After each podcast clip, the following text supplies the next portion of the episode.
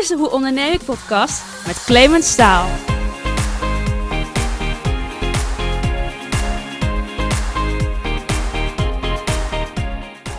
Ja, leuk dat je luistert naar weer een uitzending van de Hoe Onderneem ik podcast.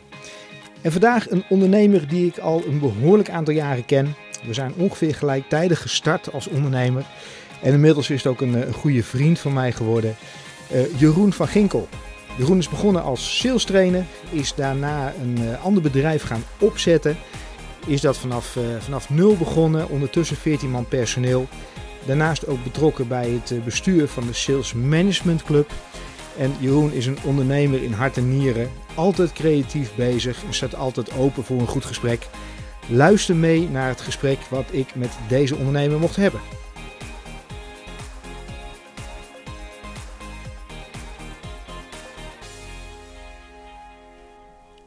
Het is eind 2005.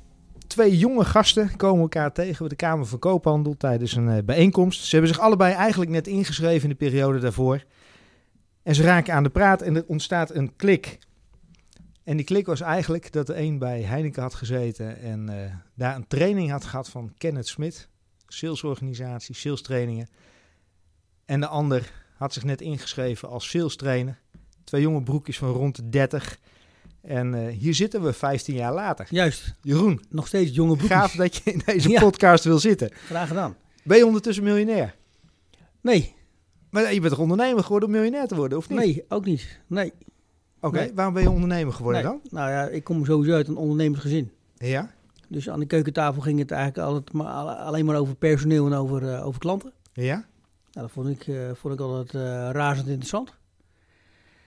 En ik heb eigenlijk, ja, ik zeg dat bij toeval, maar dat zal dan waarschijnlijk geen, geen toeval zijn. Eigenlijk altijd bij uh, zelfstandige ondernemers uh, gewerkt toen ik nog in loondienst was. Ja. Eigenlijk begon het al bij mijn vakkenvulbaantje bij Albert Heijn. Mm -hmm. Dat was bij een, een, een franchise-ondernemer. Um, ja, dus dat op een of andere manier, om dat ondernemen kon ik niet heen. Uh, ik zie heel veel mensen die zeg maar willen ondernemen om miljonair te worden. Ja. Uh, en, en, en ja, ik zie toch wel heel vaak om me heen dat mensen vrij snel afhaken omdat het dan niet lukt. Ja. Ik denk dat als je onderneemt om miljonair te worden, ja, ja, dat is voor mij in ieder geval niet de juiste drijver. Maar je zegt uh, vanuit huis, zeg maar, uh, thuis een ondernemer, ondernemende ja. vader in dit geval. Ja. Um, en vervolgens zie je dat. En wat spreek je dan aan dat jij op een gegeven moment denkt, van, nou, dat, dat wil ik ook? Nou, kijk, ik, ik, je, het, het, feit dat je, dat je verantwoordelijk bent voor de dingen die je doet. Zowel in, in, in, de, in de positieve zin, hè, natuurlijk, Mhm. mm -hmm. als in de, in de negatieve zin. Alles wat ik, zeg maar, bedenk ja. en waar ik in geloof, ja. ja, dat kan uiteindelijk best uh, mislukken. Of, of, of niet zo uitpakken zoals je dat van tevoren had bedacht. Uh, waar zit het verschil dan ten opzichte van loondienst? Want uh, ik, ik kan ook als manager of directeur ergens aan de slag gaan. Ja. En dan, dan is het niet voor eigen, eigen gewin, zeg maar. Uh, nou, ik, ik moet zeggen dat, dat er niet zo heel veel verschil in zit in mijn geval. Want ik heb altijd bij zelfstandige ondernemers uh, gewerkt. Die mij heel veel vrijheid gaven en ook heel veel verantwoordelijkheid. Mm -hmm. En eigenlijk mij ook eigenlijk, ja, een beetje lieten mee ondernemen. Oké. Okay. Zo heb ik dat altijd gevoeld. Ja. Maar op een gegeven moment denk je toch van ja, maar ik wil ook wel iets hebben waar ik dan echt aan de knoppen uh, uh, zit. Mm -hmm. En uh, ja, dat, dat, dat, dat ben ik op een gegeven moment gewoon maar gaan, ja, gewoon gaan doen. Omdat het gewoon een soort iets was waarvan ik gewoon wist dat het vaststond dat ik dat ging doen. Ja. En dan zeg je uh, zelf aan de knoppen zitten. Ja. Um, maar we leerden elkaar kennen uh, daar eind 2005, toen jij had ingeschreven als franchise-nemer bij een trainingsorganisatie. Ja. Dat is toch niet helemaal zelf aan de knoppen zitten. Want het is uh, trouwens, ik zat op dat moment ook in de franchise. Of ik had het dan ook ingeschreven ja. in de franchise. Ja. Um, maar de, waar, waar, zat dat voor jou dat je zegt van joh, maar ik, ik kies dan toch voor zo'n club in plaats ja. van dat ik helemaal mijn eigen ding ga doen? Ja, Um, ik, ik uh, in mijn, in mijn uh, loontijd, zeg maar, hè, toen ik nog in, in loondienst was bij, mm -hmm. uh, bij werkgever, heb ik een groot deel van mijn carrière in, in, de, in bij een IT-bedrijf gewerkt. Ja. Heb ik superveel mogen ontdekken en leren. En daar werd ik onder andere getraind door Kenneth Smit. En ik ben begonnen als verkoper binnendienst. En ik werd getraind en ik werd een hele goede verkoper binnendienst. Omdat ik gewoon, ja... Um, eh, nadacht over wat mij geleerd werd. En ik keek van, goh, hoe kan ik dat nou toepassen? En hoe kan ik daar succesvol mee zijn? En hoe kan ik op een goede, duurzame manier eh, veel klanten binnenhalen en zorgen dat ze alles wat ze maar nodig hebben op het gebied van IT bij mij kopen. Dat was mijn doel. Mhm. Nou, en ik kreeg daar fantastische tools aangereikt van zo'n trainer. Ik denk, ja, hoe mooi is dat? En toen werd ik accountmanager vrij snel. Maar dan heb je natuurlijk weer andere vaardigheden nodig dan op een verkoop binnendienst. Ja. En ik merkte gewoon, ik kreeg ook weer training over eh, voor, een aantal. En ik merkte gewoon dat het me echt stappen eh, verder bracht. Nou, vervolgens werd ik manager van de afdeling. Dat is natuurlijk al helemaal een drama, want dan word je manager van je oud-collega's. Maar ook eh, daar kreeg ik weer een vaardigheidstraining in. Van ja, hoe ga je daar dan mee om? Nou, dat, dat, en, dat, en dat was zo gaaf.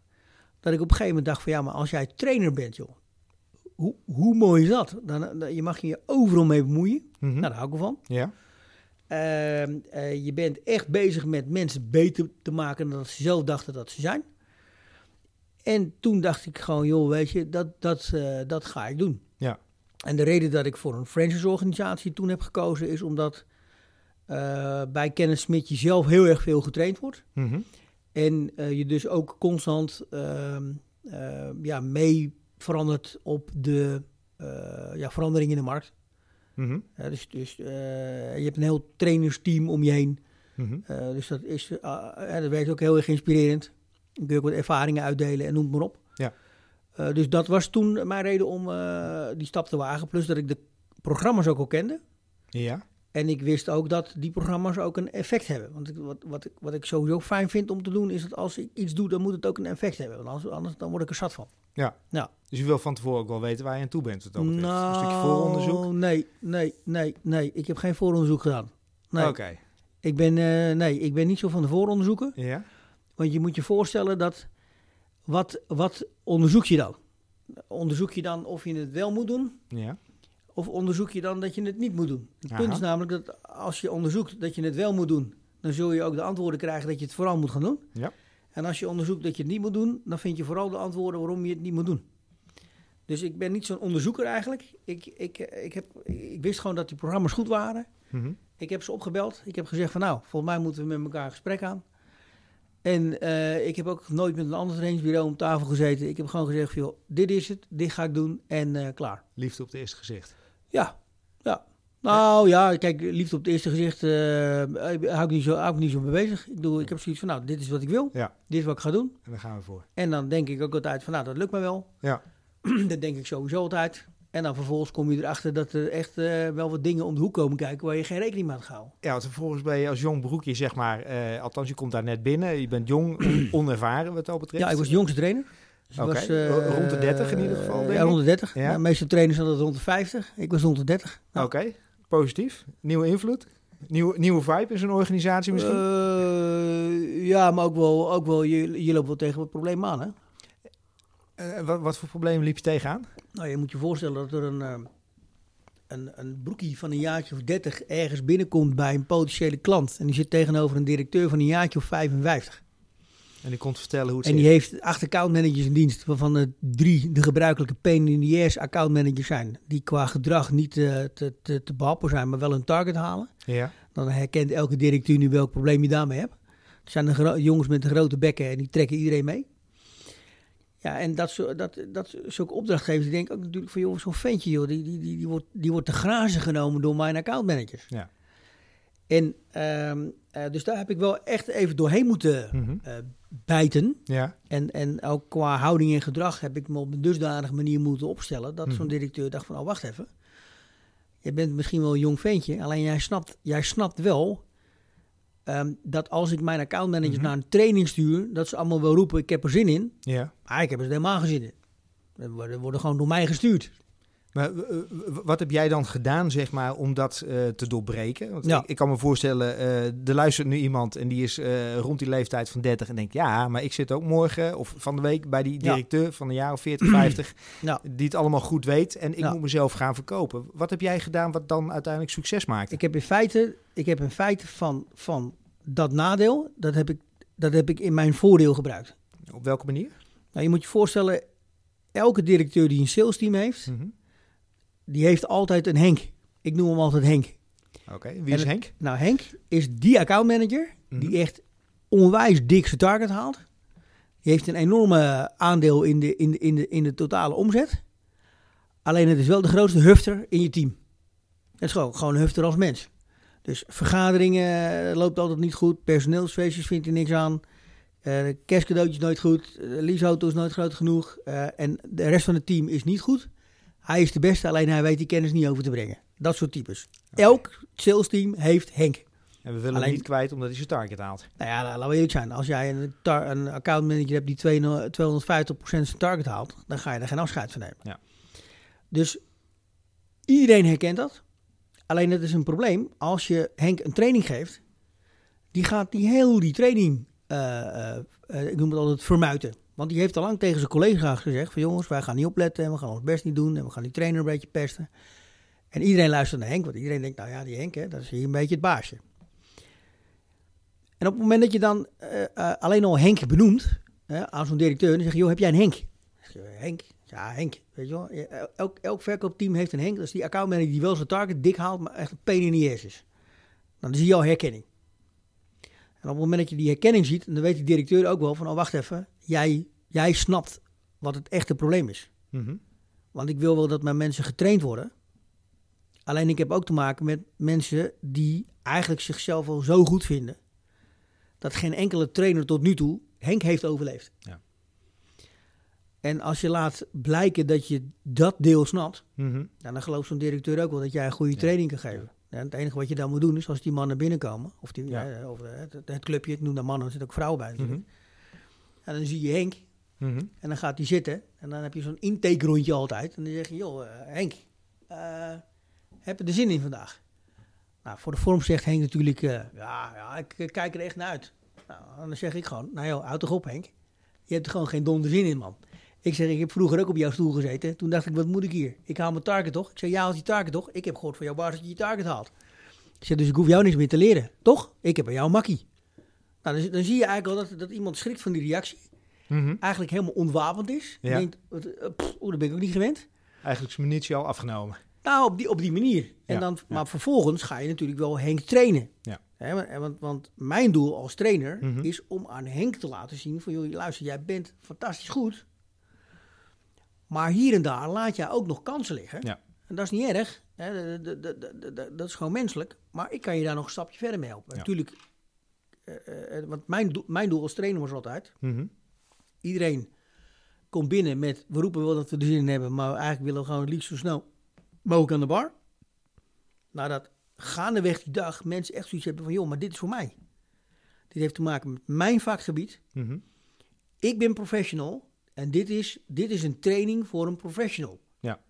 En dan als we aan het einde eh, inderdaad naar de bar gaan, dat ook Henk zegt van, joh, ik had dit niet verwacht. Dit, dit vind ik wel leuk. Oké, maar dat, dat is dan eh, tijdens je training, zeg maar. Ja. Ehm, nu zit je in dat voortraject eh, als, als relatief jong broekje van een jaar of dertig. Ja. Je zit met die directeur aan tafel. Ja. W- wat is dan zeg maar het argument om uiteindelijk eh, ja, wel deze training te verkopen? Terwijl dat hij misschien al tien andere bureaus had uitgenodigd die lang zijn geweest en dat is hem niet geworden. Waar, Ja. waar zit dan jouw ding waarvan je zegt van hé, hey, dat, dat maakt het verschil? Eh, nou, met, met, met name het feit dat mensen. ehm, eh, kijk, je hebt natuurlijk ook wel wat vragen gesteld over hoe gingen die trainingen dan en hoe kwamen ze daar weer uit en wat vonden ze ervan en, en noem het allemaal maar op. En dan hoor je eigenlijk heel vaak dat, dat zo'n training eigenlijk niet is afgestemd op wat, we, op wat die accountmanagers in het veld meemaken. Ja. Ehm, of er worden gewoon een standaard trainingen afgedraaid. We beginnen bij het stellen van open vragen en we, en we, en we, en we stoppen bij het afsluiten. Ja, als je al zes keer zo'n training hebt gehad, ja, dan word je op een gegeven moment zat. Terwijl als je, ehm, dus, dus, dus hoe kwam het dan dat ze dan uiteindelijk toch zeg maar, zo'n directeur van mij koos? Dat was natuurlijk de eerste plaats omdat ik die situatie met Henk beschreef. Maar ook eh, eh, duidelijk wist te maken van deze training komt niet van een plank af. Maar deze training is voor jouw mensen. Mhm. En jouw mensen die gaan aan het einde van de training naar buiten komen met aha, maar ik ben nu stappen verder gekomen. Ja. En eh, ik weet dat dat altijd ook gebeurt, omdat de trainingsmethodiek die ik eh, hanteerde, eigenlijk ongeacht het niveau van een accountmanager. Hè, maar ik heb ook managers getraind, dus ongeacht het niveau van een manager. En ik heb ook directeuren getraind, ongeacht het niveau van directeuren. De trainingsmethodiek zorgt er eigenlijk voor dat je op eigenlijk een positieve manier geconfronteerd wordt met jezelf. Vervolgens ook handvatten krijgt hoe je bepaalde dingen efficiënter en makkelijker kunt doen. En of dat nou op het gebied van management is of op het gebied van verkoop. Het is heel praktisch en heel tastbaar. Dus je, je, je, je ziet het jezelf ook doen. Maar ik hoor jou volgens mij heel duidelijk dan zeggen: van, joh, het gaat met name niet om het product wat je verkoopt, maar eigenlijk om het resultaat en met name eerst het afstemmen. Zitten we op hetzelfde level? Hebben we het over hetzelfde? Ik heb begrip voor de situatie van de persoon, van het bedrijf. Ja. Um, uh, zodat je in ieder geval jezelf kan laten gelden. Uh, ik weet waar ik het over heb. Als je, en vervolgens als je, gaan de oplossing ja, bieden. Wat eigenlijk de clue is, dat, en dat is altijd als je mensen managt, maar ook als je iets verkoopt, is dat de ander, die moet het gevoel hebben van ik heb hier tegenover mij iemand zitten, die, die mij snapt en die, en die snapt waar het om draait. Want anders, en, en, en, en en, en daar kom je op door eigenlijk ook gewoon echt contact te zoeken met mensen. Ja. Dus anders ben je alleen maar een verkooppraatje aan het afdraaien. Dat is gewoon een soort standaard riedeltje. En als, het, als het dan zo makkelijk gaat, dan zou ik zeggen, joh, zet dat standaard riedeltje op een papiertje. Gooi je het over door de brievenbus en ga zitten wachten tot je orders binnenstromen. Ja. Maar zo makkelijk is het niet. En het gaat in verkoop, maar ook in managen om echt contact. Als je echt contact maakt, dan stel je ook de echte vraag. Mhm. Niet de vraag omdat je ooit een keertje in een training hebt geleerd dat je open vragen moet stellen. Nee, maar dan stel je ook open vragen om informatie te krijgen waar jij wat aan hebt, maar waarbij de ander ook het gevoel heeft van, nee, wacht eens eventjes. Maar wij hebben deze vraag wordt mij gesteld omdat jij snapt waar we het hierover moeten hebben nu. Mhm. En het probleem ook van ondernemers is dat je beginnen gelijk te verkopen. Ja, ik heb, ik heb geen idee of ik iets ga verkopen aan iemand, als ik heel eerlijk ben. Ik zit tegenover een potentiële klant, dan heb ik geen idee. Ik heb echt geen idee. Ik ben helemaal blanco. Gewoon helemaal, alles is uit. Alles is leeg. En het enige wat ik doe is, ik, ik, ik ga een gesprek aan. En gaandeweg het gesprek krijg ik op een gegeven moment de indruk... nou, het zou best eens kunnen zijn dat ik jou wat ga verkopen straks. Ja. Maar dat betekent dat je een open mindset moet hebben, een open gesprek moet hebben. En inderdaad niet al te uh, ja, gelijk, gelijk loopt te pushen van... ik heb een product en ik ga het bij jou, plat gezegd, door je strot duwen. Ja, ja, maar goed, dan komen we weer even op die, hè, dat jonge trainertje wat ik ooit was, mhm. van 30 mhm. jaar... en die directeur van 55 jaar. Het, het, probleem in communicatie is dat op het moment dat mensen elkaar zien... Eh, dan al gelijk vooroordelen zijn. Ja. Hè, want uh, zo'n directeur die gaat dan ook gelijk heel erg introvert, secundeurig zitten kijken naar mij... Terwijl ik een jonge, hè, een jonge, uh, jonge enthousiaste trainer was van 30 jaar. Dus ik zit daar heel erg, uh, heel erg enthousiast en ik zit tegenover een of andere zuurpruim. Nou ja, en, en hij denkt waarschijnlijk alleen maar van, joh, wat een jong ventje, die gaat het hier nooit redden. En ik denk alleen, joh, voor zo'n zuurpruim zou je toch niet willen werken. Hè? Dus, maar als je dat nou in stand houdt, ja, dan kom je nooit bij elkaar. Nou, daarom vertelde ik altijd het verhaal van Henk. Want ze waren niet gewend dat een verkoopgesprek begon met een verhaaltje over Henk. Ik ook veel voordat ik begin over trainingen, we hoeven het helemaal niet eens over te hebben. Ik zeg maar, uh, heb jij een Henk? Ja. En dat, dat, dat verhaal van Henk, dat heb jij een jaar of acht, negen verteld, zeg maar. Maar ondertussen uh, zijn we een aantal jaren verder en uh, ben jij geen sales trainer meer. Nee, um, nee, nee, nee. En, nee. hoe, hoe is dat ontstaan? Want ondertussen heb je een bureau wat uh, telefonisch acquisitie doet, of afspraken maakt. Ja. Um, ja, zoals een echte ondernemer betaamt, blijf je niet bij één ding misschien hangen en ga je verschillende dingen doen. Hoe, hoe ben jij hierbij gekomen ja. dan? Ja, eigenlijk heel erg bij toeval. Uh, kijk, ik, ik, was van plan om eigenlijk de rest van mijn leven trainer te blijven. Oké. En waarom? Ja, omdat er gewoon, er is gewoon niks mooier dan dat jij mensen uh, uh, beter kan maken dan dat ze zelf dachten dat ze zijn. Mm -hmm. En een aantrekkelijk verdienmodel? Ja, ook. Maar kijk, ik bedoel, ik, ik wist helemaal niks van de kennismittarieven voordat mm -hmm. ik mhm. daar zeg maar binnenkwam. Mm -hmm. En natuurlijk waren de trainingstarieven, zeker bij zo'n organisatie, zeker aantrekkelijk. Dus toen ik voor het eerst die tarieven zag, dacht ik wel van nou, heeft mijn oude werkgever flink in mij geïnvesteerd. Dat ja, was wel mooi. Heel goed. Maar kijk, nogmaals, als je, kijk, uh, als je het alleen maar doet voor het geld, dan had ik beter zeg maar crimineel kunnen worden. ik, ik ben opgegroeid in een van de meest criminele buurtjes van Soest. Dan, als ik dan zeg maar heel, heel veel geld had willen verdienen, had ik gewoon daar een carrière moeten beginnen. Dan had ik ook geen belasting hoeven af te dragen en dat soort dingen. En dan was ik ook van heel veel administratieve last af. Um, maar um, ik ben uh, trainer geworden. En het voordeel van het beginnen voor jezelf als trainer is dat je een compleet lege agenda hebt op 1 januari. Als je begint. En het is je zaak om zo snel als mogelijk opdrachtgevers te hebben, want anders is er geen brood op de plak. Ja, En- ik heb jou regelmatig gesproken. Dat ik, ja, we hadden dan afspraken, dan viel ik bij je binnen, was ik iets aan de vroege kant. En dan zat jij nog met een, met een lange lijst voor je neus. Ja, te met bellen. eh, af te vinken. Dat je zei, joh, ik, moet er, ik moet er nog maar tien, want dan heb ik mijn quotum gehaald. Ja, ja, ja, ja. Dus ik, ben, eh, ik was vanuit de IT-tijd gewend om gewoon eh, zelf mijn klanten te zoeken. eh, Ja. Gewoon door ze te bellen. Ja? Dus ik dacht van nou, dat, dat doe ik dan ook gewoon als ik eh, trainer ben. Dus ik heb, ik heb gewoon eh, gekeken van nou, wat voor soort bedrijven eh, eh, eh, passen bij mij. Hè, wat voor soort producten of diensten. Mhm. eh, waar voel ik me prettig bij? Want als je je prettig bij product of dienst voelt, dan kun je ook gewoon een mooie training wegzetten. Ja, die ben ik gewoon gaan bellen. Ja. Dus eh, ja, toch echt je eh, eigen doelgroep, zeg maar, ja. bepaald? ik heb eh, eigenlijk heel simpel gedaan. Het was nog in de tijd dat eh, als je personeel eh, zocht, dan ging je adverteren in de Telegraaf. Dat waren dure advertenties. En mijn eh, aanname was dat als jij zo ongelooflijk veel geld uitgeeft aan eh, personeelsadvertenties in de Telegraaf, dan ben jij ook bereid om te investeren in je personeel om ze binnen te houden en om ze beter te maken. Moet je je voorstellen dat er in die tijd nog een aparte bijlage bij de Telegraaf zat met alleen maar personeelsadvertenties. Op zaterdag meestal? Op zaterdag? mij? Nee, altijd op zaterdag. Ja, Dus ik kreeg dan de telegraaf op zaterdagochtend binnen. En dan ging ik in een Excelletje al die adressen intikken. En eh, gelukkig stond er dan ook wel vaak een telefoonnummer bij. En dan- daar stond er wel eens heel klein onder, acquisitie wordt niet prijsgesteld, maar daar, daar las ik dan snel overheen. Hè? En, en eigenlijk genereerde ik daarmee eigenlijk een hele concrete bellijst. Eh, van uiteindelijk een, een- paar honderd bedrijven groot. En die, die, die belde ik ook gewoon elke, elke week op. En ehm, hè, dan kom je in contact met een bedrijf. Nou, die, die, die, die, die werd wel eens geroepen, ja nee, eh, trainen vinden we wel belangrijk, maar we zijn eerst bezig om ons team uit te breiden. Ja, snap ik ook wel, daar stond die vacature natuurlijk voor. Ja. Goh, eh, hè, wat zijn uw plannen daar precies mee? Nou ja, we willen drie nieuwe accountmanagers erbij hebben, eh, nieuwe markten aanboren. En eh, nou, we willen eerst dat die accountmanagers even drie maanden zijn gewend. En als we ze dan oké vinden en zij vinden ons ook oké, nou, dan, dan, dan is het misschien wel tijd om een keertje aan trainingen te gaan denken. Nou ja, dan belde je gewoon over de, twee, drie maanden later weer een keertje op. En dan, nou, was er weer wat aan de hand, waardoor, je nog niet, waardoor het nog niet opportun was om langs te komen. Op een gegeven moment kwam er een moment dat ze, nou joh, we hebben elkaar nou een paar keer aan de lijn gehad en we hebben het team compleet. Maar we merken ook wel dat er behoorlijke vaardigheidsverschillen in dat team zitten.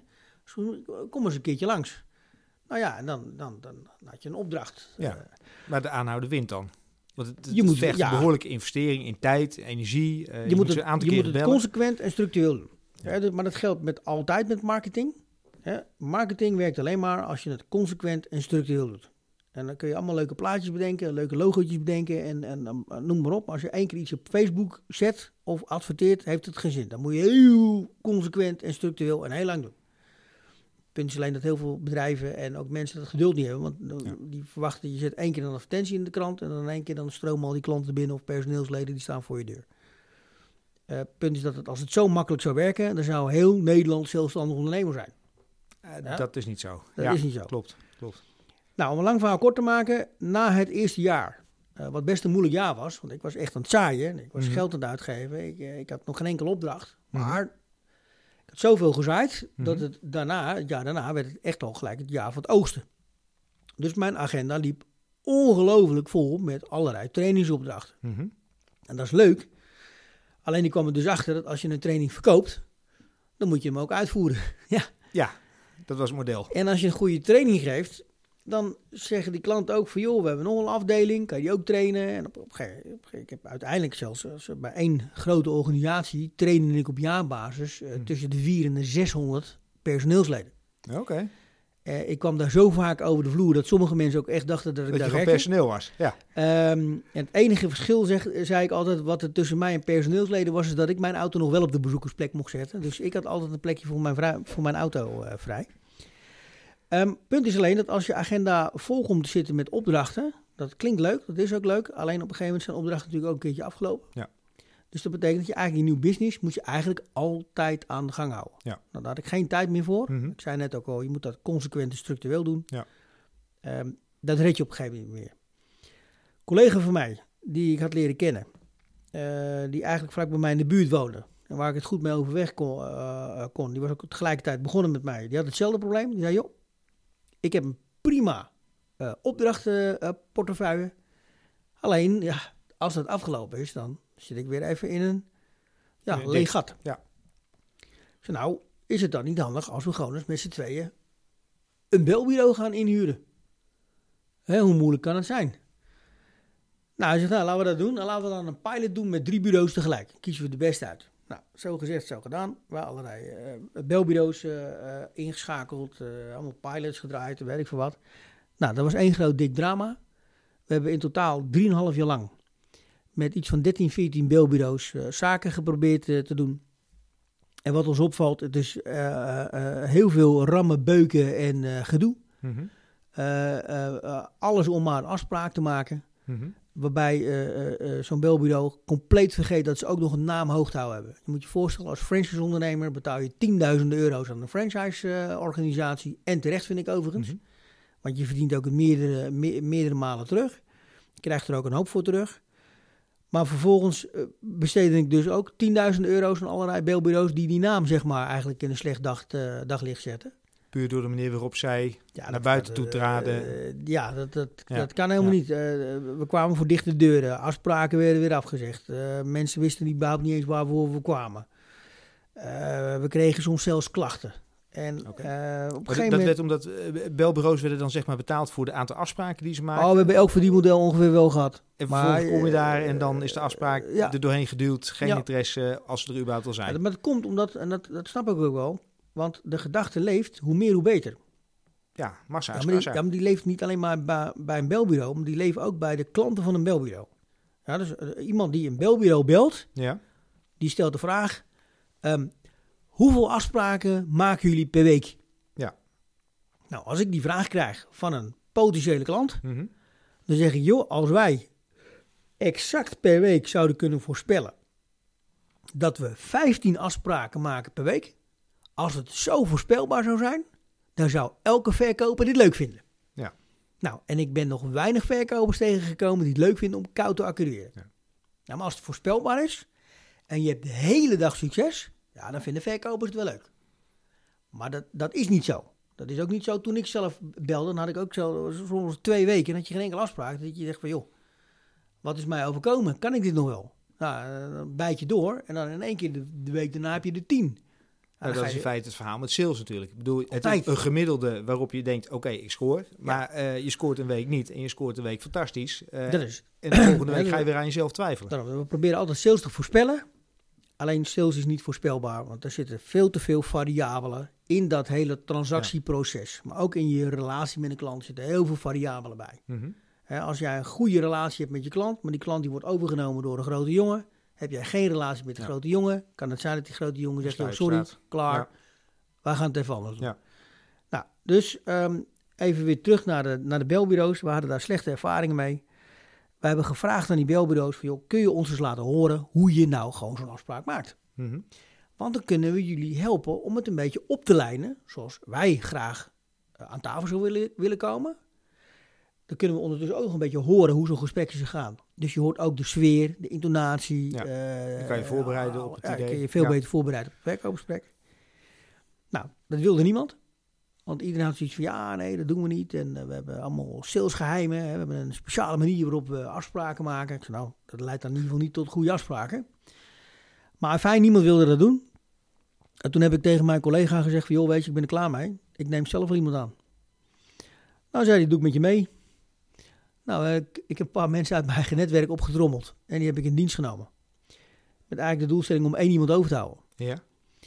Eh, want ja, je hebt maar één iemand nodig voor twee trainers. Als je, als je die zeg maar 20 uur in de week laat bellen, Mhm. dan zitten die agenda's wel vol. Ehm, maar toen bleken ze alle drie goed te zijn. Oké. Toen dacht ik, ja, wat nou? Want ja, drie man is gewoon te veel voor twee trainers. Mhm. Ik had gelukkig nog behoorlijk wat collega's eh, die ik kon bellen. Dus ik heb eigenlijk even zelf weer geaccureerd binnen mijn collega's. En een dag later hadden we zeven collega's die ook klant wilden worden bij ons. Ergens is het wel grappig als je over na gaat denken. van, Oké, je, je geeft sales trainingen. Ja. eh, eh, ook over eh, telefonische acquisitie waarschijnlijk. Heel veel. Ehm, en vervolgens nou, laten we zeggen, je komt er niet aan toe. Maar eigenlijk tussen haakjes eh, hebben de meesten er ook niet zoveel trek in om zelf te gaan bellen? Of eh, hoe- wat is jouw Nou, ervaring dat, erin? Nee, dat, dat valt er mee. Dat valt er mee. Je moet, kijk, je moet je voorstellen dat als jij, als jij eh, ik noem wel, stel dat jij in een, in een week drie dagen staat te trainen. Ja, je moet die training ook nog voorbereiden. Je moet die training ook nog evalueren. Maar als je drie dagen staat te trainen, Ja. en dan ben- dan ben je drie dagen echt ongelooflijk intensief bezig geweest.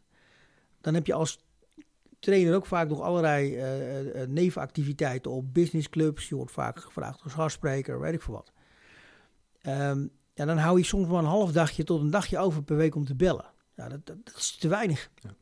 Je krijgt dat niet. Je krijgt zo'n zo'n belbestand dan gewoon niet goed op de rit. Ja. Ja. dat gaat op een gegeven moment frustreren. Ja, aan de Dus- andere kant, als je gaat kijken naar ondernemerschap, is het volgens mij ook eh, niet alleen maar werken in je bedrijf, maar juist aan je bedrijf. Ja. En op het moment dat je al die processen zelf moet gaan doen als ondernemer, Ja, ook al ben je dan een franchise-nemer Ja. in een organisatie, ehm, volgens mij moet je dan ook gaan kijken op een gegeven moment, nou joh, wat, wat kan ik een ander laten doen in plaats van, ga ik alles zelf doen? Eh, ja. nou, daar, daar ben ik het mee eens. Ja. Dus, dus, dus, eh, maar goed, op een gegeven moment toen begon, eh, we, we hebben het Lead Development Company genoemd. Ja? Omdat wij een bedrijf zijn wat leads ontwikkelen. Nou, Mhm. Dat is een beschrijvende naam, hoe je het dan noemt. Hè. Ja. Verschrikkelijk lang. Hè. Qua e-mailadres niet handig. Ehm, alleen, kijk, het was de bedoeling eigenlijk om gewoon eh, drie man in dienst te hebben en dan een paar, voor een paar trainers te bellen. Mhm. Alleen vervolgens kwam uit ons netwerk ook weer iemand die riep van... Goh, ik weet dat jullie een belbureau hebben en ik ben daar toevallig naar op zoek. En ik heb er wel goede verhalen over gehoord. Kun je dat, kun je ook, kunnen jullie ook voor mij bellen? Ik zei, nou, dat kan niet. Want ik heb er niet genoeg mensen voor. Ja.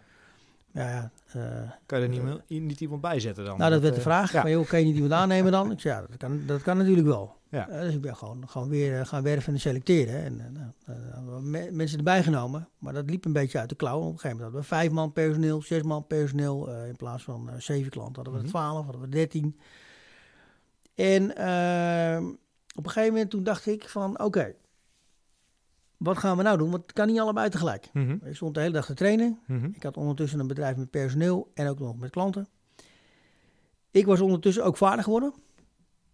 En ehm, ehm, eh, wat ik al zei, hè, ik kom uit een ondernemersgezin. En ehm, mijn vader is redelijk vroeg eh, overleden. Ja. Omdat hij groot aandeelhouder van Marlboro was. Mhm. Ik noem dat altijd zeg maar een indirecte aandeelhouder. En niet verhandeld op de beurs, maar wel via de tabakzaak. Kon je Ja, allemaal aandelen ja. kopen. Nou, die heeft aardig wat aandelen gekocht, dus die heeft niet echt lang geleefd. Ja. En ehm, eigenlijk in zijn laatste week van zijn leven had hij spijt van het feit dat hij eigenlijk alleen maar gewerkt had. Mhm. Nou, ik heb dat als kind nooit een probleem gevonden. Ja. Ik vond het prima. Hoe, hoe- hoe oud is hij geworden? 52. Ja. Zo jong. Hij heeft in de verzekeringswereld echt eh, toonaangevende dingen bereikt. Ja. Eh, hartstikke leuk en aardig. Mhm. Eh, iedereen heeft het er nog steeds over. Ja. Alleen hij had er wel gelijk in. Wij, wij, eh, eh, ja, hij, ja, hij was altijd aan het werk. Ja. Dus ik bedoel, ja. Dat was niet jouw voorbeeld. Althans, nou, dat voorbeeld ik- wilde ik- jij ik- niet Toen navolgen. zeg maar, mijn eerste zoon werd geboren, Mhm. zodra hij zeg maar, mij aankeek. Ja. Toen dacht ik wel van, ho, ho, ho, wacht even. anders doen. Dit, dit, hier moet ik wel even naar kijken. Kijk, en als trainer ben je heel vaak 's ochtends vroeg weg, s'avonds laat thuis. Dus het verdient goed, het is allemaal Mhm. hartstikke leuk. Het is, eh, eh, nog steeds, ik vind het nog steeds eigenlijk het mooiste vak wat er is. Het is Ja. echt fantastisch. Hè. Nu ik er ook over praat, dan denk ik, verdorie, echt, echt mooi.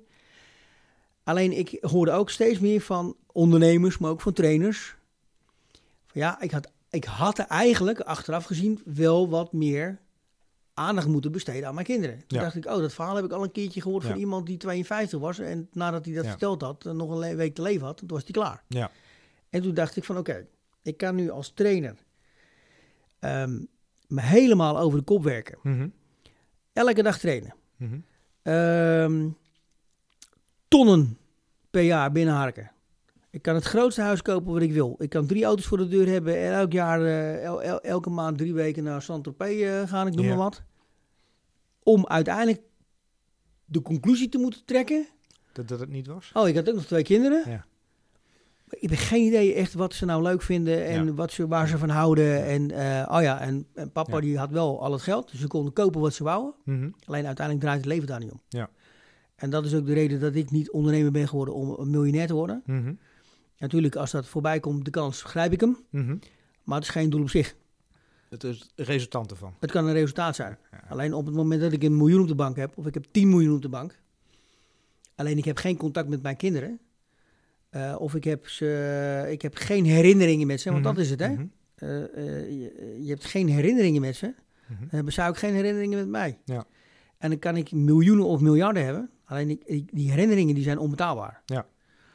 Dus ik heb toen een keuze gemaakt van oké, ik ga verder met de Lead Development Company. Omdat dat toch een bedrijf is wat, wat, meer tussen 9 en 5 opereert. Mhm. Nou, dat klinkt redelijk suf wat ik nu ga zeggen. Maar ik dacht toen van nou, als ik nou wat meer tussen 9 en 5 mijn werkzaamheden kan doen en mijn ondernemerschap iets kan beperken en ik kan daar toch een goede boterham mee verdienen en mijn ei kwijt, dan kan ik dus elke ochtend eh, met mijn kinderen ontbijten, mijn kinderen naar school brengen, ik kan met ze naar de voetbal, Ehm, ik eh, kan naar voorstellingen, ik kan naar ouderavonden, ik kan betrokken zijn bij de school. Hè. Ik zit ook in de, in de MR en in de GMR. Dat is ook weer zoiets. De 17e avonden per, per, per jaar zit ik dan, ben ik voor die school bezig. Alleen het leuke is dat, dat mijn kinderen, die hebben echt zoiets van... hé hey, papa, die is ook betrokken bij mij, bij mijn leven. Ja. Nou, en, en, en eigenlijk ben ik op dat gebied miljonair. Want dat is dat, die tijd die ik nu heb met mijn kinderen... en dat is echt die lage schooltijd... Mhm. daarvan hoor ik vaak bij ondernemers dat ze er spijt van hebben... dat ze die tijd niet Ja. hebben meegemaakt. Absoluut. Ja. Ja, en eh, mijn oudste is nu tien, dus die is over drie jaar puber. Mhm. Over drie jaar ben ik een stuk minder interessant. Dan gaat hij niet meer mijn handje vasthouden als we op straat lopen. Nee, dan is het een stoere jongen. Ja. En die vindt mij waarschijnlijk helemaal niet stoer. En dat is ook heel erg goed zo. Maar uiteindelijk komt er ook een moment dat hij weer wat ouder wordt. En dat wij samen terugkijken op die jeugd. En dat we samen Ja. hand in hand over Lego World liepen Ja. met een patatje. En, en, en naar Zandvoort gingen, naar het circuit en weet ik veel wat. Ja, dus je, je leeft niet om te werken, maar je werkt echt om te leven. En je past dat aan aan de manier waarop je je in leven wil feite- in- invullen. ja, in feite leef je om te leven. Ja. En eh natuurlijk hebben we geld nodig, want alles kost geld. Ehm, en, eh, en, en natuurlijk zit er een verschil in. eh, eh, kijk, ik ben Lead Development Company begonnen zonder, zonder een euro. Ja. Gewoon, we zijn het gewoon maar Hoe begonnen. gaaf. Ja. Eh, we hebben ook nooit geld geleend. Eh, we hebben er wel heel erg lang geen geld uitgehaald. Maar dat kon ook omdat we allebei nog Kenneth Smit trainer waren. Want mijn Kenneth Smit collega is dus nu mijn compagnon geworden. Mhm. Ehm, en eh, eigenlijk elke euro die we verdienden, ja, die hebben we weer eigenlijk terug geïnvesteerd. Want eh, als je start heb je eigenlijk, ja, we hadden ge- gelukkige klanten natuurlijk. Mhm. Ja, dus, dus, maar je hebt geld nodig als je start. We, we, hadden, we hadden callcenter software nodig. Nou, dan dachten we, dan willen we het beste systeem hebben. Ja, Ja. Dat kost, maar dat kost wel geld. Maar dat kon je uit eigen middelen, denk ik, dan nou ja, doen, eh, of kijk, niet? je, kijk, heel simpel. eh, je kan ook gewoon eh, minder uitgeven. Ja. Dus Gewoon toch letten op de kleintjes. En dan ga je, dan ga je opletten. Ja. Ja, dus dus, dus Maar daar zie je natuurlijk he- heel vaak wel eh, eh, startende ondernemers fout gaan. Veel, ik, ik heb de eerste omzet binnen, daar zit dan vaak nog een stukje BTW bij. en laten we dan inderdaad die dure auto aanschaffen, eventueel lease of wat dan ook. Ja. In plaats van ik ga investeren in mijn bedrijf, elke euro Ja. weer terug laten rollen, eh, buffer opbouwen en dergelijke. Ja. Ehm, als jij gaat kijken naar, de, eh, naar jouw, jouw groei, zeg maar, de, manier waarop je bent gestart als ondernemer, maar ook met, met het eh, bureau Lead Development Company. En vervolgens naar je groei. Waar, waar zaten dan zeg maar de, de, de leermomenten, de, de hiccups?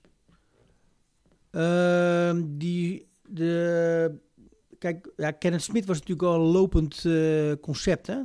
Dus dan zit je eigenlijk, de enige hiccup ben je zelf. Want je Mhm. moet zelf leren hoe je een training verkoopt. Ja. Eigenlijk hoe je jezelf verkoopt als Ja. trainer. En vervolgens moet je ook natuurlijk een goede training neerzetten.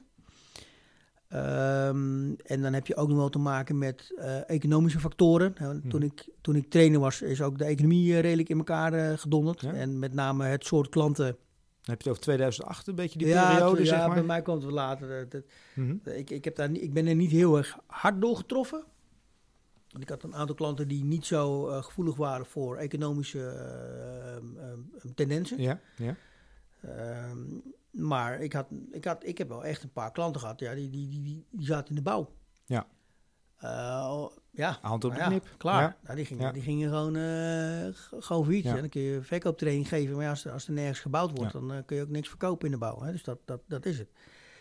Ehm, Maar bij Lead Development Company ben ik natuurlijk in een branche gestapt Mhm. die ik helemaal niet kende.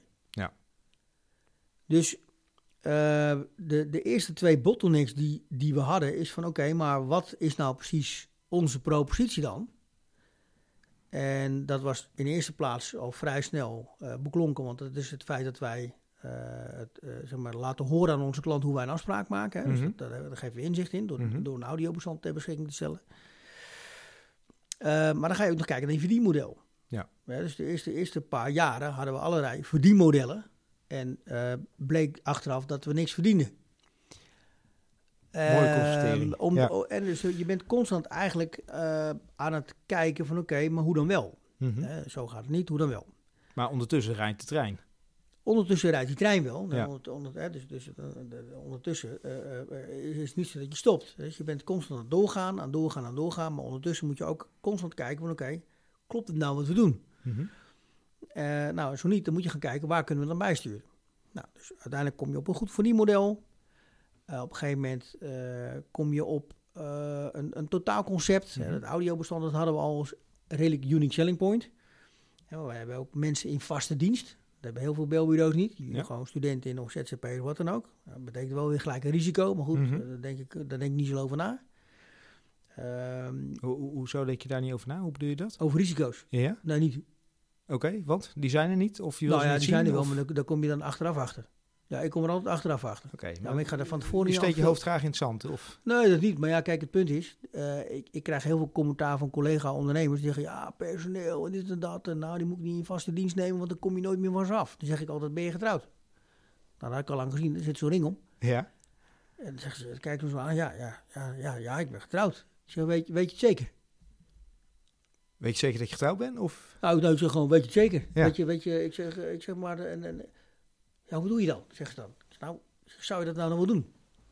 Zo, misschien blijkt gewoon, gewoon wel dat ze helemaal niet leuk is, joh. Ja, nee, maar dat is toch anders? Dan zeg ik, ja, maar dat is helemaal niet anders. Als jij, als jij mensen aanneemt, dan moet je ze aannemen omdat je eigenlijk niet van ze af wil. Dus dat is gewoon, dat is mijn eh, gulden regel. Mhm. Als je iemand aanneemt, Mhm. dan neem je die aan omdat je er niet meer vanaf wil. Mhm. En omdat je gelooft dat iemand kan waarvoor je hem aanneemt. Ja. En, en daar moet je ook mee helpen, en dan moet je ook trainen, en dan moet je ook coachen, en dan moet je ook begeleidingen geven.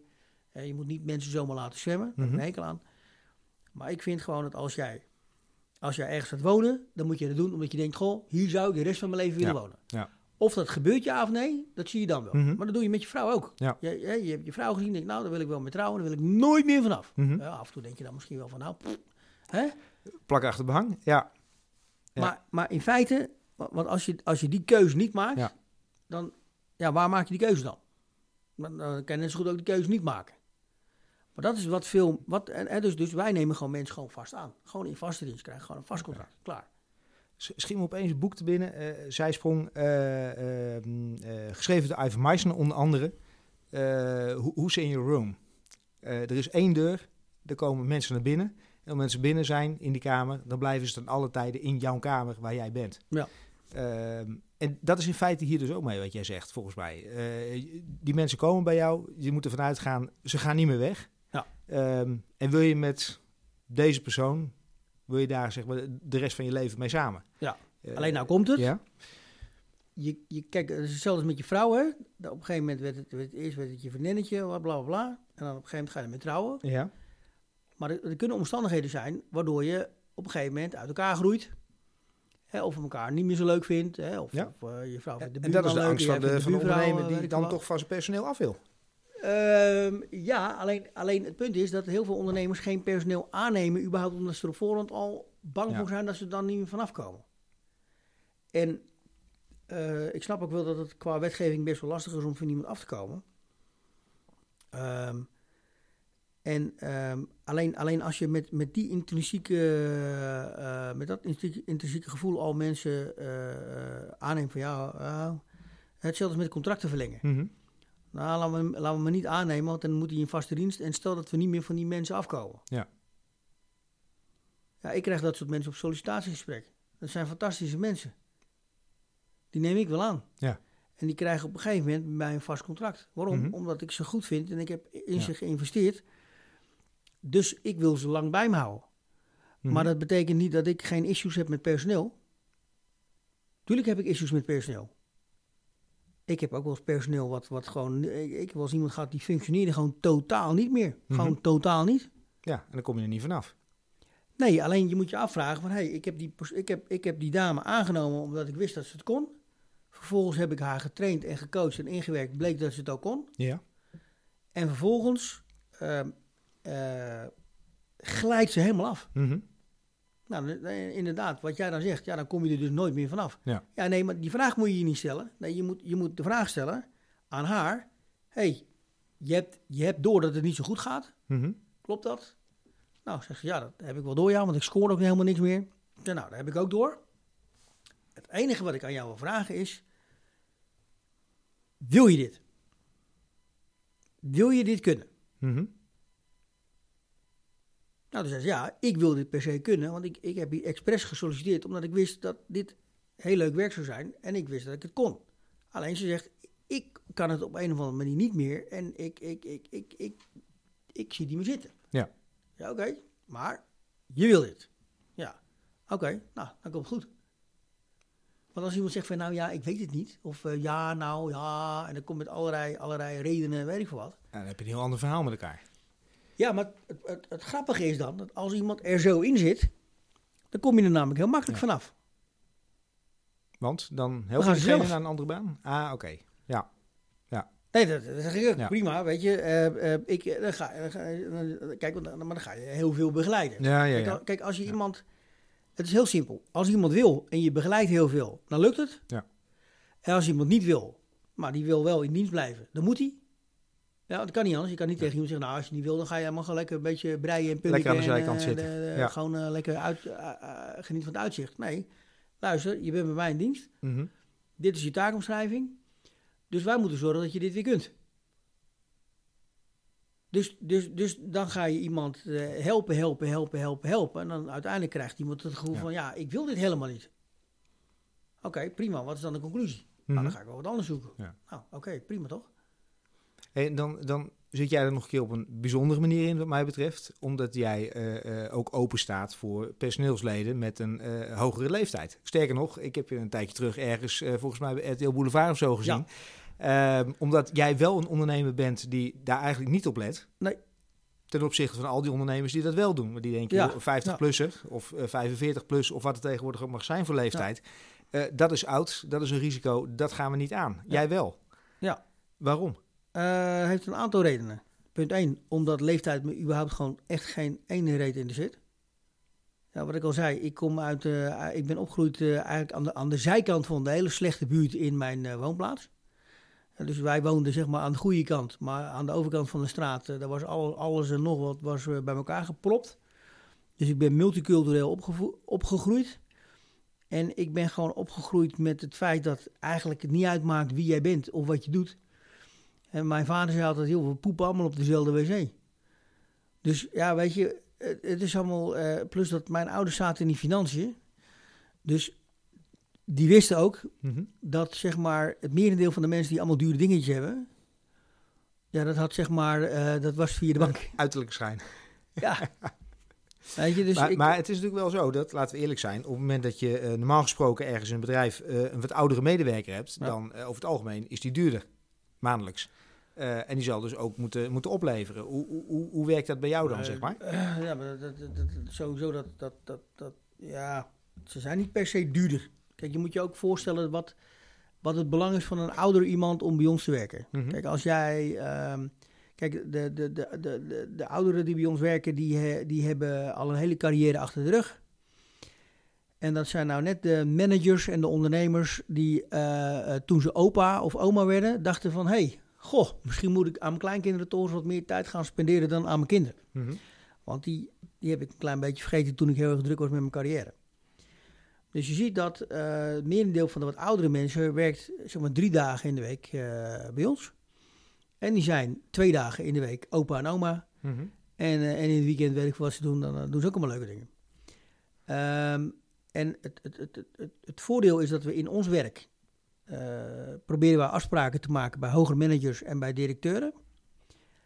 Eh, en, het, en dan helpt het gewoon als je iemand aan de lijn hebt die gewoon heel veel, heel veel senioriteit heeft. En die ook heel veel levenservaring heeft, eh, die alle pieken en dalen in het leven al heeft gezien.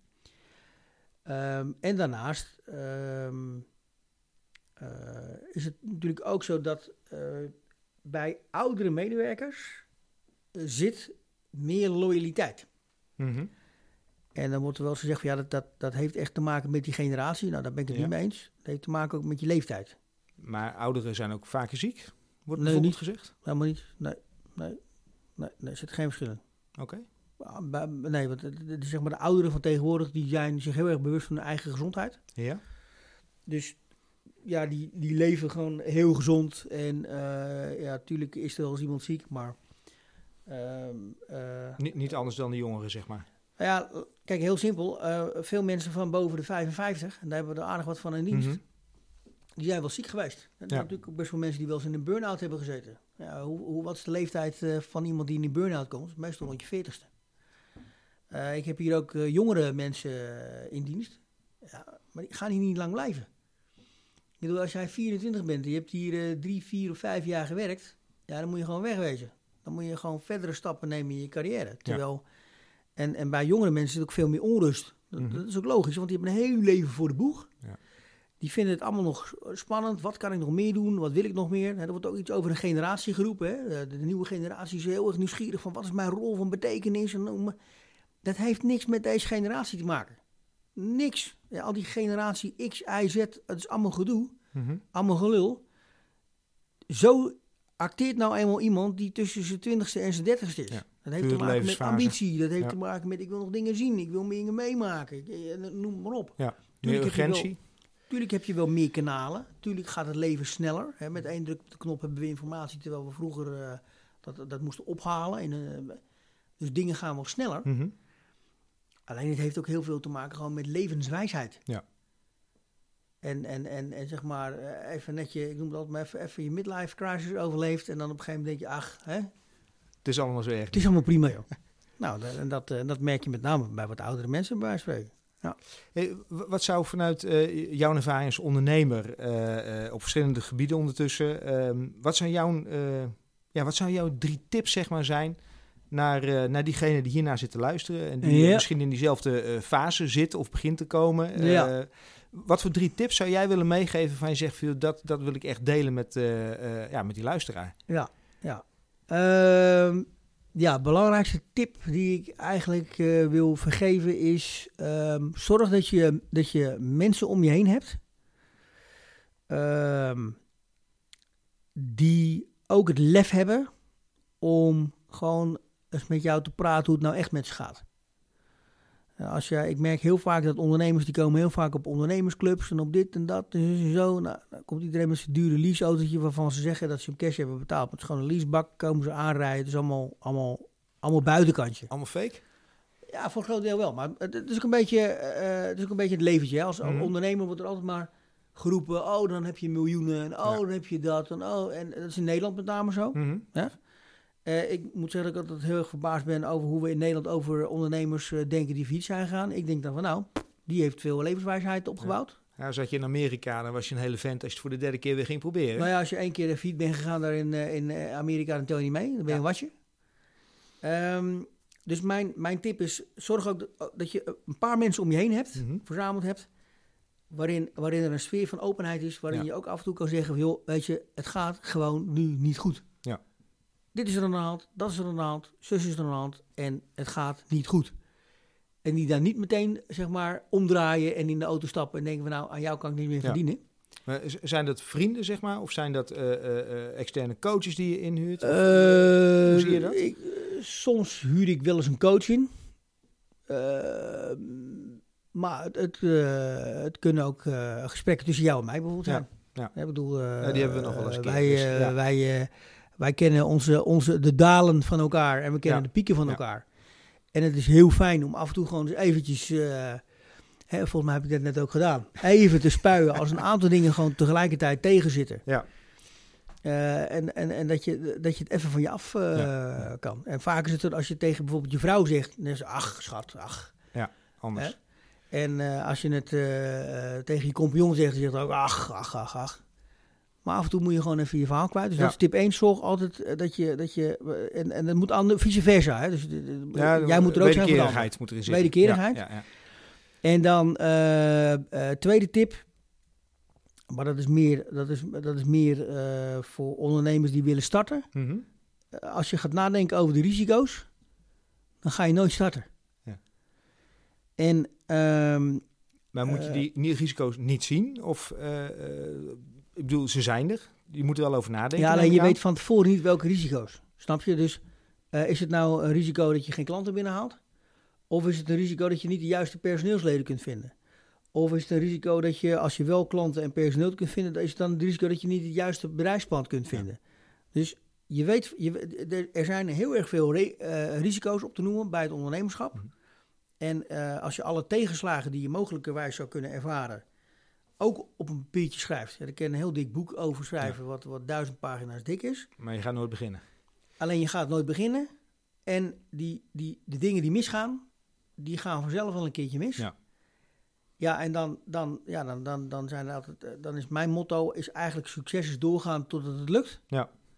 Hè, dus dat, dat, dat, is, dat is iets. Alleen het punt is dat ja, het, kan ook, het kan ook een keertje aflopen. Mhm. Ik bedoel, op het moment als wij op de omstandigheden geen enkele klant meer binnenhalen of, of ik kan geen personeel meer krijgen, hè, waar veel collega-ondernemers van mij nu mee te maken nou, dan kun je hele mooie bouwprojecten hebben, maar als iemand niet eh, kan bouwen, dan, eh, Ja. dan, dan, dan Ja. houdt het op. Ja, dan oké. Ja.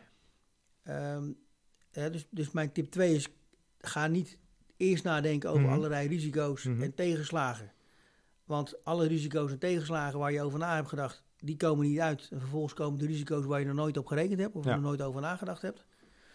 Die komen dan ook nog op een moment dat je ze niet had verwacht. Mhm. Eh, want als je daarna gaat kijken, dan, ja, dan, dan, dan, Ja. dan, dan, dan, dan, dan heeft het geen. eh, eh, dan, ja, dan heeft het gewoon geen zin. Het is ook een beetje dat idee van die evenwichtsbalk waar je oploopt. En zolang je er niet over nadenkt dat je kan vallen, dan val Ja. je niet. En op het moment dat je er eenmaal aan wordt herinnerd door een omstander. Ja, eh, dan je, val je je, je moeder Ja. die zegt, oh kijk uit dat je niet valt. Ja, Dan dat is eh, een heel dun geheid lijntje. dat Dus- je er vanaf valt. Ja, dus Ja. Dat, dat is het. Hè. Dus ondernemen is eigenlijk een heel dun lijntje tussen eh, tegelijkertijd heel veel tegenslagen hebben. Mhm.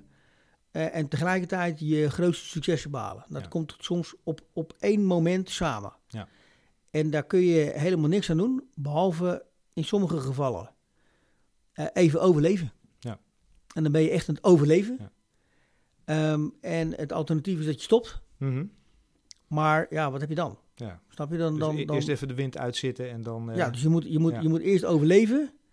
Kijken van, hé, wat, wat, welke bakens kun je verzetten? Aan welke knoppen kun je draaien? mhm. Ja, als er geen bakens meer te verzetten zijn Mhm. en geen knoppen meer om aan te draaien... ja. Eh, hè, of jouw concept Mhm. past niet meer bij de markt... Eh, Ja. Kijk bijvoorbeeld naar een kledingwinkel. eh, is vandaag weer de Eddie van de Krommeakker is failliet gegaan, geloof ik. Had, is Nog niet meegekregen? Oké. een- de, de modeontwerper Ja. heeft drie winkels. Mhm. Ja, gelooft in winkels. Alleen de consument gelooft niet meer in winkels. Ja, dan kan je heel veel harder zijn, maar als Ja, het, dan kun je een topontwerper zijn. Ja. Hè. Alle, alle sterren van deze, van, uit Nederland en geloof ik zelfs Mhm. de koningin loopt in zijn, in zijn kleding. Ja. Nou, hartstikke leuk. Alleen, ja, soms, soms houdt het dan op. Ja. En dat kan je niemand kwalijk nemen. Dat kun je de markt niet kwalijk nemen. Mhm. Dat kun je de ondernemer ook niet kwalijk Ja. nemen. En dan houdt het op en dan ga je fiet. En dan, dan, dan oké, dan, dan, dan is dat maar zo. Eh, Dus, eh, en, ja. eh, wat, wat resulteert dan in jouw, in jouw derde tip? Want het eerste is inderdaad, oké, je zorgt dat je mensen om je heen hebt. Je kan klankborden, een stuk netwerk hebt waar je tegen kan aanpraten. Tip drie, tip drie is zorg voor jezelf. mhm. Zorg, zorg, dat, zorg, voor, ehm, eh, zorg dat je zelf gezond bent. Dus eh, eh, dat klinkt een beetje raar uit mijn mond, want ik heb, ik heb jarenlang heel ongezond gegeten. Ik deed ook niet aan sport. Ja, maar ik zie ondertussen de magere versie van jou tegenover me zitten. Ja. Want jij hebt behoorlijk wat kilo's Ik afgevallen ben eh, afgelopen binnen, jaar. binnen vijf maanden ben ik 23 kilo afgevallen. Als je me nou. En dat kwam ook omdat ik op een gegeven moment besef had van ja, oké, maar als ik ondernemer ben, met Mhm. alle mentale uitdagingen die je als ondernemer hebt, Mhm. Ja, dus in feite is het een mentaal spelletje. Ja. Eh, dan moet je in één keer weer meer klanten binnenhalen. Dan heb je in één keer te weinig personeel. Dan weer te veel personeel. Dan gaat er weer iemand plotseling weg. Ja. Eh, dan in één keer eh, moet je hals over kop op zoek naar meer ruimte. Het is altijd hectisch. Ja. Dus het is ook een mentale uitdaging. Ja. En het punt is dat als je goed voor jezelf zorgt, Mhm. dus goed op je voeding let, Ja. ehm, ehm, eh, goed voor je lichaam zorgt, maar met name ook dat je ook onderhoud pleegt aan je, aan je mentale gestel. Dus fysiek en mentaal fit zijn. Ja, dat is belangrijk. Ja. Want als je, als je die twee goed voor elkaar hebt, Mhm. dan zijn die tegenslagen eh, eh, en al die risico's, dat, dat is nog steeds geen feestje. Alleen het punt is dat je dan wel kunt volharden en volhou- volhouden om te zorgen dat je, ja, wat ik net al zei, even dat overlevingsdeel Mhm. Mhm. doorkomt. Ja. En dan vervolgens achterom kijkt en eigenlijk denkt van, joh, waarom heb ik mezelf al die tijd nou eigenlijk druk overlopen maken? Want kijk, we hebben alles weer up and running. Ja. Maar je moet wel de energie hebben om dat, eh om Je dat moet wel de eh, energie te doorstaan. Ja. Ja. Ja. Hey, ehm, eh, luisteraars geef ik graag ook een, een tip op het gebied van, van lectuur mee. Ja. een boek. Ehm, ik heb wel een beetje een gevoel dat ik mogelijk weet welk boek dat voor jou zou zijn. juist, waarvan zeg jij van, hey, dat zou ik nou echt aanraden aan, aan ondernemers of ondernemers in spe om eh, eh, te omarmen, om dat eens Ja. te gaan lezen? Ja, ja. Eh, dat is een, een, boek wat ik eigenlijk eh, drie keer per jaar lees. Eh, ik, ik heb het ooit een keertje, geloof ik, ge- gekregen of gekocht. Eh, Geen idee meer toen ik een jaar of, eh, nou was het, eh 25 was. Mhm. En dat is het boek eh, eh, Think and Grow Rich eh, van Napoleon Hill. En eh, Michael Pilagic, eh, de oude Veronica-DJ, Ja, ja, die, heeft dat boek, eh, die heeft het boek herschreven. Ja, En ehm, eigenlijk zou ik dat boek van Michael Pilagic ja. die zou ik aanraden. Eh, sowieso natuurlijk ook het origineel van Napoleon Hill. Mhm. Alleen wat Michael heeft gedaan, die heeft het even weer een beetje in de tegenwoordige tijd geschreven met een paar voorbeelden die eigenlijk ook voor de wat jongere generaties wat meer tot, tot de verbeelding spreken. Oké, dus naar bol.com en dan Michael Pilarczyk en dan Think You Grow Rich. Think and Grow Rich. Ja, eigenlijk als je Think and Grow Rich eh, intoetst, dan eh, komt het boek van hem ook Ja, eh, ja, naar voren. ja. Want hij heeft ook de rechten zeg maar, van, van de Na- Napoleon Hill Stichting om dat in het boek, of om dat in Nederland te mogen publiceren. Oké, ja. En daar staat een gedicht in. Mhm. En dat, gedi dat gedicht, dat, dat, dat, dat heet Thinking. En ik heb dat gedicht heb ik, zeg maar, uit, eh, heb ik eh, laten drukken. Ja, En dat hangt zeg maar bij ons in de huiskamer. oké. En dat gaat, dat, in feite komt het erop neer dat alles waar jij in gelooft, alles wat je kunt bedenken en Mhm. waarin je kunt geloven, kun je bereiken. En Mooi, dat, en dat, mooi. en ja, en, en, en dus als jij gelooft dat je faalt, zul je falen. Ja. En als je erin gelooft dat je kunt winnen, Ja. dan is de kans ook groot dat je wint. Zou je winnen. Ja. En, en, en, en Is, is alles mindset wat dat betreft? vind ik wel. Ja. Ik vind dat alles mindset is. Ja. Alles is mindset. Je zit eh, één keer per week in een, eh, in een ijsbad van eh, net 1 graden koud. Dat is Mhm. echt verschrikkelijk koud. Ja. Je vertelde het laatst inderdaad. Ja, het punt is alleen dat als je in dat bad zit en je krijgt in één keer een stom liedje in je hoofd. En je gaat, of je gaat een liedje zingen in je hoofd, of je gaat denken aan wat je morgen gaat doen, of wat dan ook. Dan is jouw mindset niet meer gefocust op die kou. Mhm. En vervolgens heb je het dus ook niet koud. Nou, dat is waar ik heel erg in geloof. Mhm. Alles is mindset. Ja. Alles. Mooi. En dat, en dat, is, dat, is, eh, en dat is het mooie van het boek Think Ja. and Grow Rich. In feite gaat het daar om mindset. Mooi. En er komen volgens mij in het boek ook een hoop dingen eh, terug. eh, verlangen, geloof in jezelf, geloof Ja. in datgene wat je, wat je wil bereiken. Mastermind komt daar terug, wat je ook net Ja. aangaf. Zorg dat je mensen om je heen verzamelt. Ja. Ehm, een fantastisch boek, dus ik, Ja. eh, ik had het wat dat betreft ook eh Nou, ik heb onderstrepen en eh, raad hem eh, eh, daar, zeker aan. eh, als, als, zeg maar, eh, als je gelooft in mind, eh, als je gelooft in mindset, Mhm. dan bestaat toeval niet. Oké, de, de- de afsluiting, hoe bedoel je dat? Nou, denk eens na over het woord toeval. Iets valt jou toe. Daar Mhm. komt het woord toeval vandaan. Hoe komt het nou dat iets jou toevalt? Het komt jou ter buurt. Het zit me al in het woord. Dus Als jij, als, jij, als jij denkt, mijn tent gaat naar de kloten. Ja, dan is de kans erg groot dat dat gebeurt. Ja. Dus, dus ik, ik geloof heel erg van als je gelooft in mindset, Mhm. dan bestaat toeval niet. Want dan is alles geproduceerd door jouw mindset. En dat klinkt zweverig, maar het is eigenlijk rete rationeel. Omdat het namelijk altijd klopt. Er zijn mensen met een rot, rotsvast geloof Mhm. dat zij een raket kunnen laten opstijgen. En vervolgens die raket gewoon weer kunnen laten landen. En Mhm. dan kan je die raket nog een keertje gebruiken. Ja. Nou, er zijn grote Amerikaanse ruimtevaartorganisaties die roepen, dat kan niet. Nee, maar Elon Musk deed het. Maar dat heeft te maken met het feit dat hij er heilig van overtuigd is dat het gewoon moet kunnen. Ja. Nou, en dat, dat, en dat, dat lees je ook in het boek Ja. Think and Grow Rich. Mhm. Dat is, dat is een boek over succesvolle mensen. Mhm. En dat is een boek over mensen die dingen deden waarvan iedereen riep: kan niet, Ja. gebeurt niet, dat lukt niet, dat kan niet. Maar die zijn het gewoon gaan doen. En die keken niet naar de risico's, Mhm. die keken niet naar alle tegenslagen, maar die, waren, die hadden een vastomlijnd doel. Ja. En die geloofden daarin en die geloofden er zo ongelooflijk in dat Mhm. het helemaal in hun mind zat. Mhm. En uiteindelijk hebben wij nu Ja. een, een, een raket die gewoon weer eh, eh, naar beneden op zijn pootjes landt en die hergebruikt kan worden. Ja, super tof. En we hebben een automerk wat elektrische auto's eh, Ja. produceert, die al die Duitse autofabrikanten het nakijken geeft. Dat Maar heeft allemaal te Dan moet maken je met creatief mindset. zijn. Geen fixed mindset hebben, maar een code mindset. Weet ik niet, weet ik niet. Ik weet niet of dat, of dat eh, ja, het gaat, het gaat puur om mindset. Ja. Wat er in jouw hoofd zit en geloof je daarin, dan, dan, dan wordt het jouw waarheid. En eh, als je daarin volhardt, dan is het ook heel vaak, wordt het de waarheid voor heel veel mensen om je heen. Ja, en met Jeroen kan ik echt nog uren doorkletsen. Ehm, in het gesprek kwam natuurlijk naar voren het boek Think and Grow Rich van Napoleon Hill. En daarin staat een, eh, een heel mooi gedicht wat ik je ook wil meegeven vandaag. Als je denkt dat je verslagen bent, ben je dat. Als je denkt dat je niet durft, durf je niet. Als je graag wint, maar denkt dat je dat niet kunt, is het vrijwel zeker. Dan win je niet. Als je denkt dat je verliest, ben je verloren. Want in de buitenwereld ontdekken we dat succes begint met wilskracht. Het zit allemaal tussen je oren. En als je denkt dat een ander beter is, is hij dat. Je moet hoog denken om hoog te stijgen.